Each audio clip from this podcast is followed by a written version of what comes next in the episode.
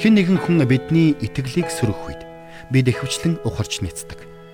Бид тэр хүмүүсийн үгийг үл тоох буюу тэдэнтэй зөрчилдөхөөс аль болох зайлс хийдэг. Заримдаа бид Бурхны үгийн улмаас гадуурхагдах вэ гэж болгоомжулдаг.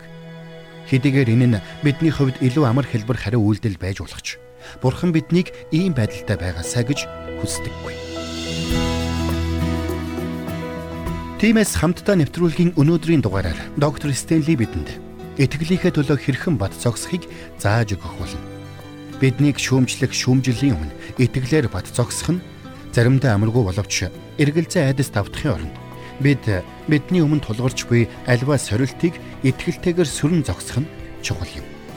Учир нь бидний дуулууртай байдлыг бурхан харж биднийг шагнадаг гэдгийг бид ойлгох хэрэгтэй. Тиймээс доктор Стенли биднийг Христийн сайн цэргийн ёсоор сайн тэмцлэр тэмцэхийг уриалж байна. Хамтдаа доктор Стенли ярианд анхаарлаа хандуулцгаая.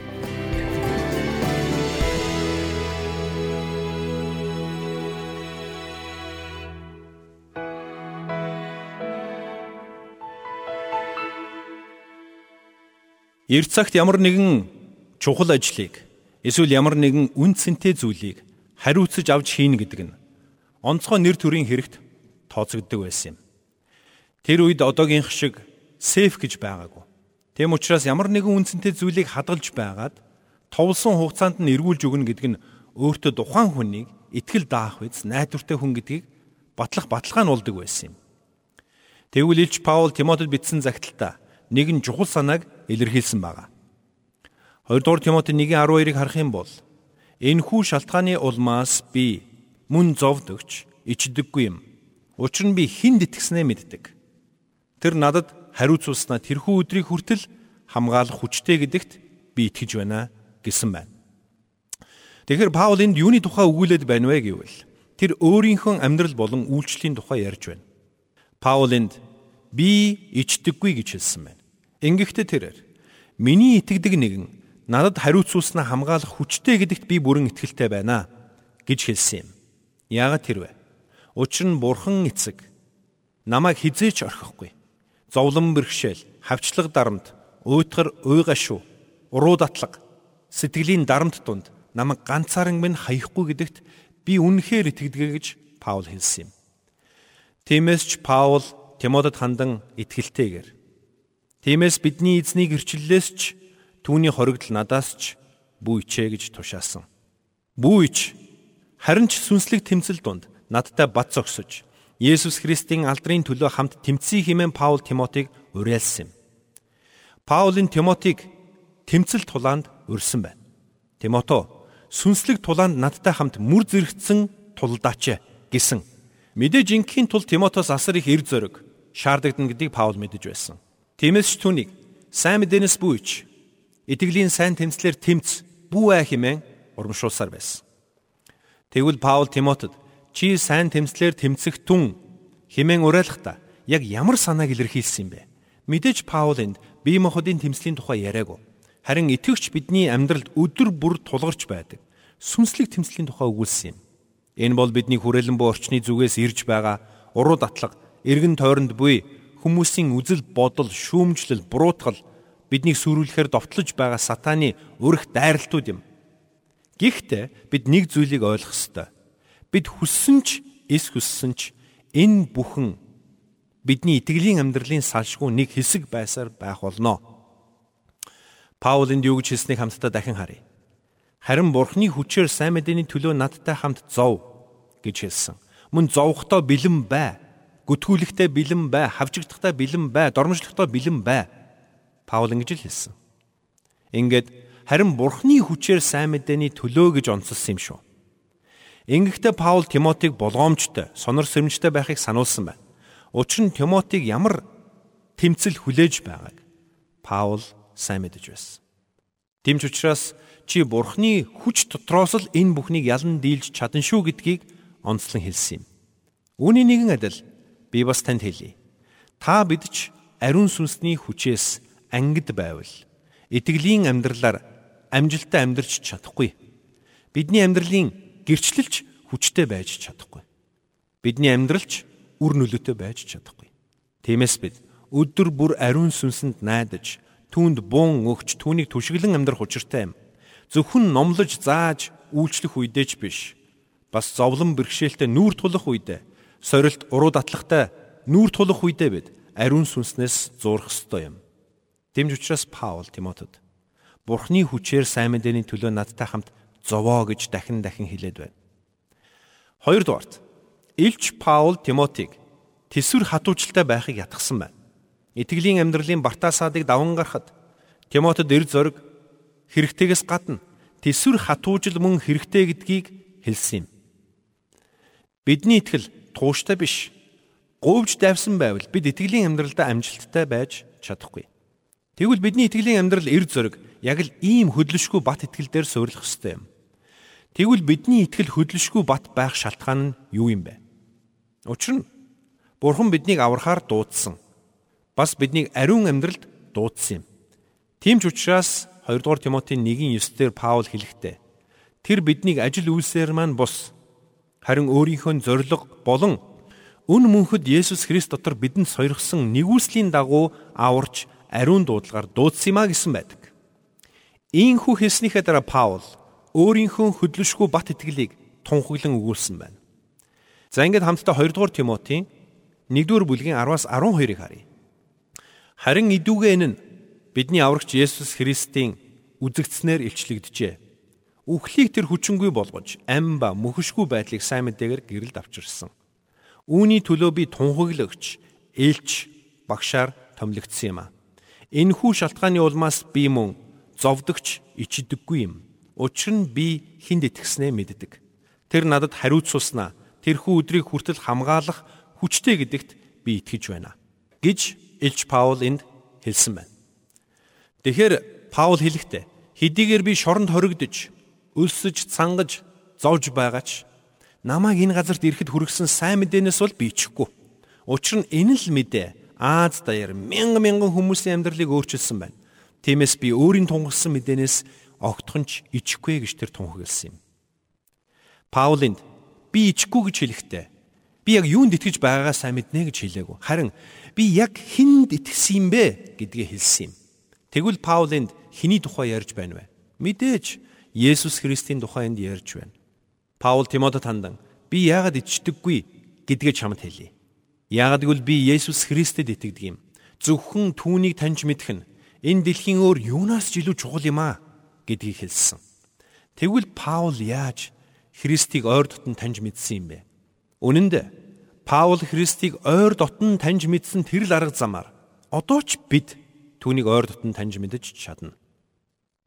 Христ одоо ч бидэнтэй өөрийгөө илүү ихээр илчилж бидэнтэй ойр дотн харилцаатай байхыг хүсэж байдаг юм. Тэгвэл Паул Христтэй яаж ийм ойр дотн харилцаатай болсон юм бэ? Би үүнийг танд хэлж өгье. Зарим хүмүүс үүнийг огт мэддэггүй учраас амьдралдаа хизээж Христтэй ойр дотн харилцаатай болж чаддаггүй юм. Одоо сая сая хүмүүс сүм чуулганд хамрагдаж байна. Христийг дахин ирэхээс өмнө сая саяараа сүм чуулганд хамрагдсаар байх болно. Тэд бүхий л амьдралынхаа туршид цуглаанд явж, номлол сонсож, магтан дуулж, өргөл өргөдөгч тэдний ихэнх нь үнэхээр харамсалтай. Есүс Христийг хизээж ойр дотн таньж мэдэж чадлагүй байсаар амьдралаа дуусгадаг юм. Тэд Библийн тодорхой хэсгийг сайн мэддэг болсон ч Христийг огт таньж мэдэхгүй явсаар байна. Магадгүй таач бас тийм хүмүүсийн нэг байж болох юм шүү. Та цуглаанд олон жил явсан. Библиэс баггүй эсхийг мэддэг болсон байж болно. Гэхдээ та Есүс Христтэй ойр дотн харилцаатай болж чадсан уу? Түүнийг ойр дотн таньж мэдэж чадсан уу? Бид Есүс Христтэй хэрхэн ойр дотн нөхөрлөдөг юм бэ? Цуглаанд явснараа юу? Библи уншснараа юу? Би танд хэлье. Түүний зовлонгуудыг хуваалцснараа юм. Энэ бол хамгийн чухал арга зам. Та хаач байсан хинч байлаа гэсэн ямар ч боловсралтай, ямар ч үүх түүхтэй хүн байлаа гэсэн ялгаагүй. Та Христийн зовлон хуваалцах үедээ түүнийг хамгийн ойр дотн таньж мэдэх боломжтой байдгийг. Яагаад тэр вэ? Учир нь Есүс Христийн нэрийн улмаас зовлон бэрхшээлийг туулах үед тэр бүхнээр дамжуулан Бурхан бидний амьдралыг цэвэршүүлж байдаг юм. Тинхүү цэвэршүүлэх үйл явц бидний амьдралд өрнөжиглэх үед бидний нүдний өмнө байсан хаалт авагдаж эхэлдэг юм. Магадгүй та дотроо миний нүдний өмнө ямар ч хаалт байхгүй шүү дээ гэж бодож байж болно. Тэгвэл би танаас асууя. Таны Христийг мэдэх мэдлэгч нь 10 жилийн өмнөхөөсөө эрс ахиж чадсан уу? Та Христтэй харилцах харилцаанд 5 жилийн өмнөхөөс ч илүү ойр дотн өсөж чадсан уу? Магадгүй та би Библийг их уншдаг болсон гэж хэлж өгж болох юм. Хэрвээ тийм бол сайн байна. Тэр таны нүдний өмнө байсан нэг хаалтыг авч хайсан байна. Тийм учраас таны дотор Библи унших хүсэл төрж байна гэсэн үг юм. Гэхдээ Бурхан ингэ зогсохыг хүсдэггүй юм. Тэр таны нүдний өмнө байгаа хаалтуудыг нэг бүрчлэн авч явахыг хүсдэг юм. Учир нь бидний нүдний өмнөх хаалт авагдах тусам түүнийг илүү тодор харж эхэлдэг юм. Тиймээс ч Бурхан зовлон бэрхшээл сэтгэлийн дарамт уйгашуу хавчлаг дарамтуудаар дамжуулаад бидний зүрхийг цэвэршүүлдэг юм. Бурхан биднийг ийхүү цэвэршүүлэх үед яг юу болдг юм бэ? Бид өмнө хизээж харж байгаагүй зүйлсүүдийг харж эхэлдэг. Бид Есүс Христийн жинхэнэ мөн чанарыг илүү тодор харж эхэлдэг юм. Тиймээс хэрвээ та Есүс Христийг илүү ихээр таньж мэдхийг хүсэж байна уу? Та түүнд Бурхан минь ээ би таныг илүү ойр дотн таньж мэдхийг хүсэж байна хэмээн залбираарай. Тэгээд түүний нэрийн төлөө зовлон эдлэхээсээ бүү ухраарай. Хэрвээ та түүний төлөө зовлон эдлэхийг хүсэхгүй байгаа бол та хизээч түүнийг бүрэн дүүрэн таньж мэдэж чадахгүй юм. Тэгвэл та Бурхны өмнө очиод эзэн минь ээ би таныг илүү ихээр таньж мэдхийг хүсэж байна. Намайг хэлбэржүүлж, цэвэршүүлж, таны хүслийн дагуу хүн болгон өөрчлөхийн тулд та өөрийн хүссэн арга замаараа ажиллаарай хэмээн залбирч чадах уу? Паул жухамда ийм л хандлагын тухай Тимот хүүдээ өгүүлсэн юм. Үүний дараа Паул өөр нэгэн чухал зүйлийг Тимотед өгүүлсэн. Тэр нь юу вэ гэвэл Паул Тимотиг сүнслэг тэмцэлд урайлан дуудаа зогсохгүй. Өөрт нь хариуцуулсан бүхнийг чандлан хамгаалахыг сануулсан юм. За тэгвэл энэ нь юу гэсэн үг вэ? Бичээсээс харъя. 2 дугаар Тимот номны 1-р бүлгийн 13-аас 14 дээр инхүү өгүүлсэн байна. Надаас сонссон эрүүл үгсийн жишээг Есүс Христэд итгэх итгэл ба хайр дотор чанд сах. Чамд хариуцуулсан сайныг бидний дотор оршдог ариун сүнсээр хамгаал. Паулынд юуны тухай өгүүлсэн бэ гэвэл Паул энэ сайн мэдээний тухай ярьсан байна. Энэ бол Есүс Христийн сайн мэдээ. Тэгвэл энэ сайн мэдээг хамгаалах үүргийг Паул Тимотед ногдуулсан байна. Тэгвэл Паул энд яг юуны тухай ярьсан болохыг хамтдаа дэлгэрэнгүй харъя. Паулынд чамд хариуцуулсан сайныг бидний дотор оршдог ариун сүнсээр хамгаалаарай гэж хэлэхдээ сайн мэдээний тухай ярьсан юм. Ер нь энд бид нэг зүйлийг ойлгох хэрэгтэй. Есүс Христэд итгэсэн итгэж хүн нэг бүрт сайн мэдээ даалгагдсан гэдгийг. Бидэнд мөн Бурхны үг даалгагдсан. Бурхны ивэлэр өнөөдөр бидний гар дээр Библийн маш олон янзын орчуулгууд, олон янзын хэлбэр хэмжээгээр өгөгдсөн байна. Харин бидэнд хариуцуулсан энэ үгийг бид хамгаалж мөн итгэмжтэйгээр тунхаглаж амьдрах учиртай юм. Паул Тимотед хандан хэлэхдээ би өөрийнхөө амьдралыг Бурхан эцэгтэй даатгсан. Тэр надад хариуцуулснаа тэрхүү өдрийг хүртэл хамгаалах хүчтэй гэдэгт би итгэж байна гэж хэлсэн юм. Үүнийхээ яг араас нь харин Тимото чи бидэнд хүн төрлөختний хувь тавиланг мөнхөд өөрчлөх чадвартай сайн мэдээд даалгагдсан. Тиймээс үүнийг хамгаал гэж хэлсэн юм. Үнэхээр хүн төрлөختөнд гим нүглийн уучлал болон мөнхийн амийг өгч чадах ганцхан мэдээ бидэнд өгөгдсөн.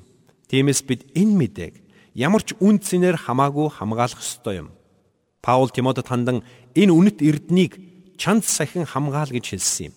Ингээдтэй ариун сүнсний хүчээр үүнийг хийх ёстой гэдгийг ч онцолсон юм. Паул энд 2 дугаар Тимотийн 1-ийн 13-т хэлэхдээ би дахин танд уншиж өгье.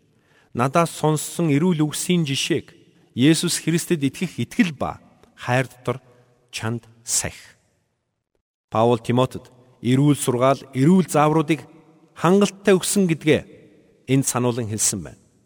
Паул Тимотед хандан Бурхны үг түүний сайн мэдээг сахин хамгаал.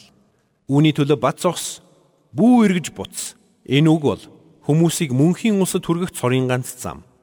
Тиймээс үүнээс бүү ухарч няц. Энэ тугийг зоригтойгоор өндөр дөрөг, үүнээс бүү ич харин үүнийг бат сахин хамгаал гэж хэлсэн юм. Яг гэвэл Тимотийн амьдралд юу тохиолдож байгааг Паул маш сайн мэдэж байсан. Цааш нь харин 15 дугаар ишлэгийг нь харъя. Паул үргэлжлүүлээд ийхүү хэлсэн байна. Өөрийгөө ичих зүйлгүй ажилчин үнний үгийг зөв заагч гэж бурханд цаашаалган харуулахыг хичээ. Өөрөөр хэлбэл үнний үгийг таамгаараа бус харин үнэн зөвөөр заа гэж Паул тушаасан байна.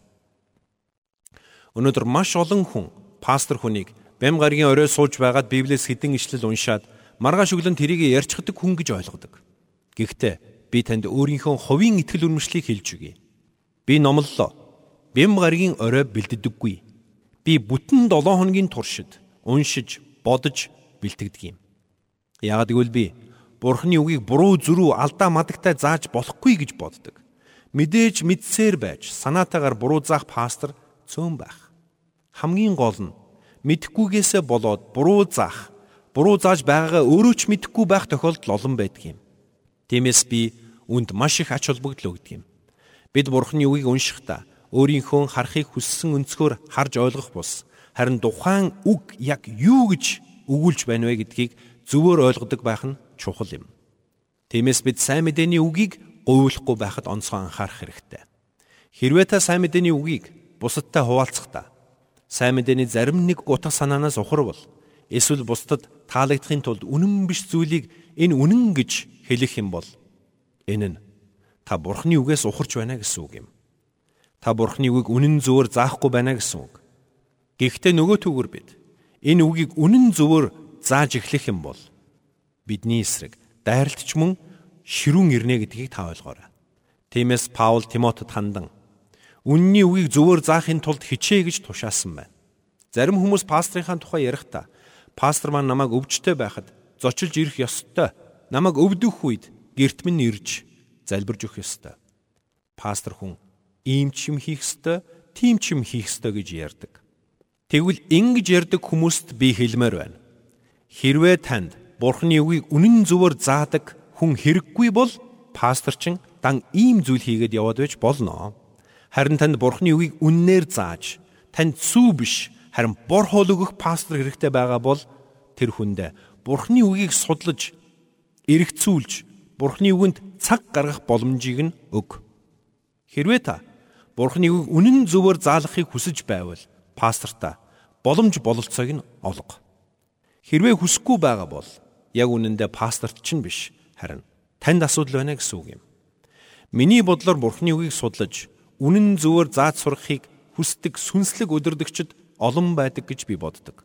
Гэвч тэд өөр бусад хүсэл шаардлагуудад сатаарад Бурхны үгэнд анхаарлаа тэр бүр бүрэн хандуулж чаддаггүй юм. Ийм тохиолдолд хэн хамгийн их хохирохыг та мэдэх үү? Чуулган өөрөө хохирох болно. Зарим жижиг чуулгануудад чуулганы ажилтан гэж байдаггүй.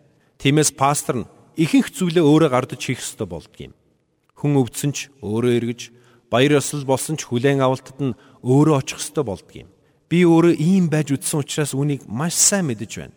Одоо өдөрдөж байгаа чуулгандаа анх ирээд эхний хэдэн жил Крисмас баяраар би дандаа хагартлаа иддэг байснаа санаж байна. Яг гэвэл би итгэжтийнхээ гэрээр очиж маш олон Крисмас баярын хүлээн авалтад оролцох ёстой болдог байсан. Харин чуулган маань томрох хэрээр би тэр бүх ажлуудаас чөлөөлөгдөж Бурхны үгийг оновчтой зөвөр заахад илүү их цаг зав гаргах хэрэгтэй болсон юм. Харин жижиг чуулганд хамрагдаж байгаа итгэгчдэд хандан хэлэхэд та бүхэн пастрийнхаа төлөө залбираарай. Тэдэнд урам зориг өгөөрэй. Таны амьдралын чухал үед заавал дэрэгч нь байх ёстой гэж битгий шаардаарай. Хин нэгэн хүн өвдөх бүрт эмнэлэг рүү гүйж очиж байх ёстой гэж бүү шахаарай. Харин үүнийхэн оронд та пастра Нэм гариг бүр бурхны үгээр сайтар тижээгдэж байхын тулд та өөрийгөө бурхны үгээр сайн тэтгэхээрэй. Бурхны үгийг сайн судлаарай гэж хэлэх хэрэгтэй. Энэ бол бидэнд хандсан бурхны хүсэл юм шүү. Тийм ч учраас анхны чуулганы элч нар ширээн дүүлчлэх үйлчлэлээс өөрсдийгөө чөлөөлж Бурхны үгийн үйлчлэлд анхаарлаа хандуулах шийдвэрийг гаргаж байсан юм. Цаашилбал 2 дугаар Тимотийн 4 дугаар бүлэг рүү очих юм бол Паул нэгэн чухал зүйлийг хэлсэн байна. Хожим нь ямар зүйлс болохыг Паул маш сайн мэдэж байсан учраас үүнийг хэлсэн юм. Ингээд 2 дугаар Тимотийн 4-ийн 3-ыг харъя. Цаг нь ирэхэд хүмүүс эрүүл сургаалыг твчихгүй болж харин хүслийнхээ дагуу чихийг нь гжигдсэн багш нарыг өөрсөддөө цуглуулах бөгөөд гэж Паул хэлсэн байна. Өөрөөр хэлбэл тэр хүмүүс үннийг хэлэх бус харин сонсхийг хүссэн зүйлийг нь хэлэх хүмүүст анхаарлаа хандуулах болно гэдгийг Паулынд хэлсэн байна. Тэд нэм гариг бүр өөрсдийнх нь чихийг гжигдсэн таатай номлол сонсоод пастра үнэхээр сайн номлол байлаа. Надад маш их мэдрэмж төрлөө гэж хэлхийг хүсдэг юм. Мэдээж бид Бурхны үгээр бусдыг урамшуулж, зоригжуулж, босгон байгуулах ёстой. Гэхдээ Бурхны үг үннээр тунхаглагдж байгаа тохиолдолд энэ нь бидний сэтгэлийг зарим талаараа өвдгөж тавгцүүлдэг юм. Учир нь бидний амьдралд байгаа гим нүглийг Бурхны үг бидэнд сануулдаг юм. Сайн мэдээ тарахаас айж хулчиж, хойрогшин хойс сууж байсныг минь бидэнд сануулдаг юм. Нөгөөтэйгүр бид Бурхны үгийг үннээр тунхаглах үед олон хүнд энэ нь таатай сонсогддог юм. Учир нь тэд энэ үгийг биш харин чихэндээ таатай үгийг сонсхийг хүсдэг юм. Тиймээс биднийг сайн мэдээ ярьж эхлэх үед биднэр лөө дайрч давшилдаг юм. Харамсалтай нь ийм байдалд орох үедээ ихэнх итгэгчид буулдхийн хойш суудаг. Хэрвээ энэ сайн мэдээ үнэхээр бидэнд мөнхийн амийг өгөх хүчтэй юм бол үүний төлөө шүүмжлүүлэх нь бүхэл амиа өгсөн ч болох биш шүү. Тиймээс та Бурхны үгийг хинээс ч айлгүйгээр зоригтойгоор тунхлах нь маш чухал. Хүмүүс танд юу ч гэж хэлсэн хамаагүй. Учир нь тэд зөвхөн өөрсдийн чихэнд таатай үгсийг л сонсхийг хүсдэг юм. Ийм хүмүүсийн тухай Паул хэлэхдээ 2 дугаар Тимотийн 4-ийн 4 дээр чихэн үннээс эргэж үлгэр домгуудад хандах болно гэсэн юм. Ийм учраас л өнөөдөр зүсэн бүрийн гаж буруу урсгалууд бий болцоход байна. Учир нь тэд үнэнд дургүй атлаа. Үлгэр домогт дуртай юм. Тэд өөрсдийн махуудын хүсэл таатай зүйлсийг сонсох дуртай болохоос Бурхны үннийг сонсох дуртай биш юм. Тэгвэл ийм нөхцөл байдал донд бид яах ёстойг Паул цааш хэлэхтэй. Харин чи бүгдэд саруул ухаантай бай. Хитсүг твч сайн мэдээг дэлгэрүүлэгчийн ажлыг хий үйлчлэлээ гүйцэтгэг гэсэн байгаа юм. Учир нь цаг нь ирэхэд бид бүгд Бурхны өмнө тайлангаа тавих болно. Тэгвэл бид Бурхны үгийг хэрхэн хамгаалах вэ? Та Бурхны үгээс зуурч хүмүүсийн зүгээс ямар ч дарамт шахалт ирсэн байсан. Ухарч няцалгүй бат зогсож сайн мэдээний үннийг бат баримтлах ёстой юм.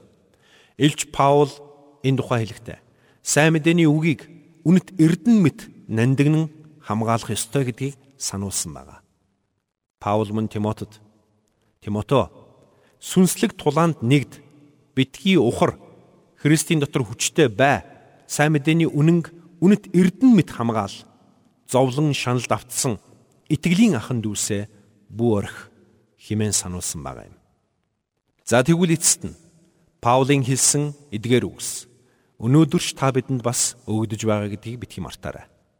Мэдээж энэ бүхэн танд ямар санагдахыг би сайн ойлгож байна. Бидний амьдралд хавчлага дарамт ирэх үед бид хар аяндаа түүнээс зайлсхийж, зүхтах гэж оролддог юм. Сайн мэдээний улмаас хатуу ширүүн дайралт руу чиглэх үед бид өөрийн эрхгүй бидний амьдралд хангалттай зовлон бэрхшээл байхад нэмж ингэж зовж байж чадахгүй гэж боддог. Чухамдаа ингэж бодсон хүмүүс л Паулийг Ромын шоронд хаяж одсон шүү дээ.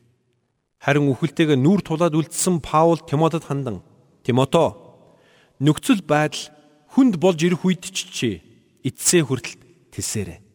Чи бурхны үгийг хамгаалж сүнслэг тулаан донд итгэлийн ахан дүүсээ бүү орхиорой хэмээн сануулсан юм. Тиймээс хамтдаа аймхай хулчгар бус харин зоригтой хүчтэй байж Есүс Христийн сайн мэдээний төлөө итгэлтэйгээр бат зогсон амьдарцгаая.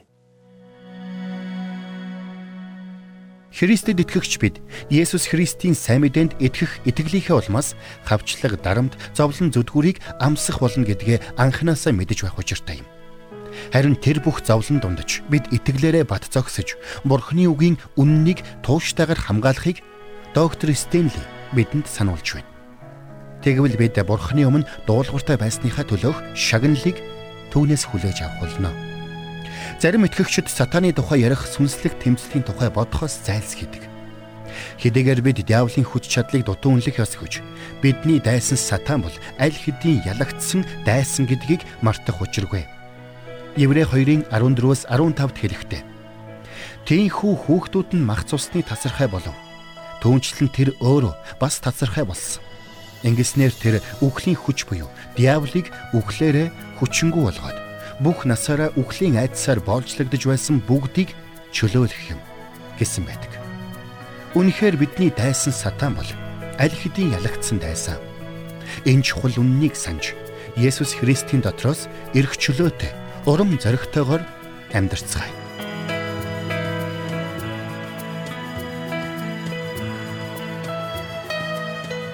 Бурханд тэмүүлсэн сэтгэл хүмүүсийг энэрх зөрхөөр амьдрахад туслах номлогч доктор Чарлз Стенлигийн хамттай нэвтрүүлэг сонсогч танд хүрлээ. Нэвтрүүлгийг дахин сонсохыг хүсвэл ихтгэл радиоцик.com-оор зочлоорой. Бидэнтэй холбогдохыг хүсвэл 8085 99 тэгтэг дугаард хандаарай.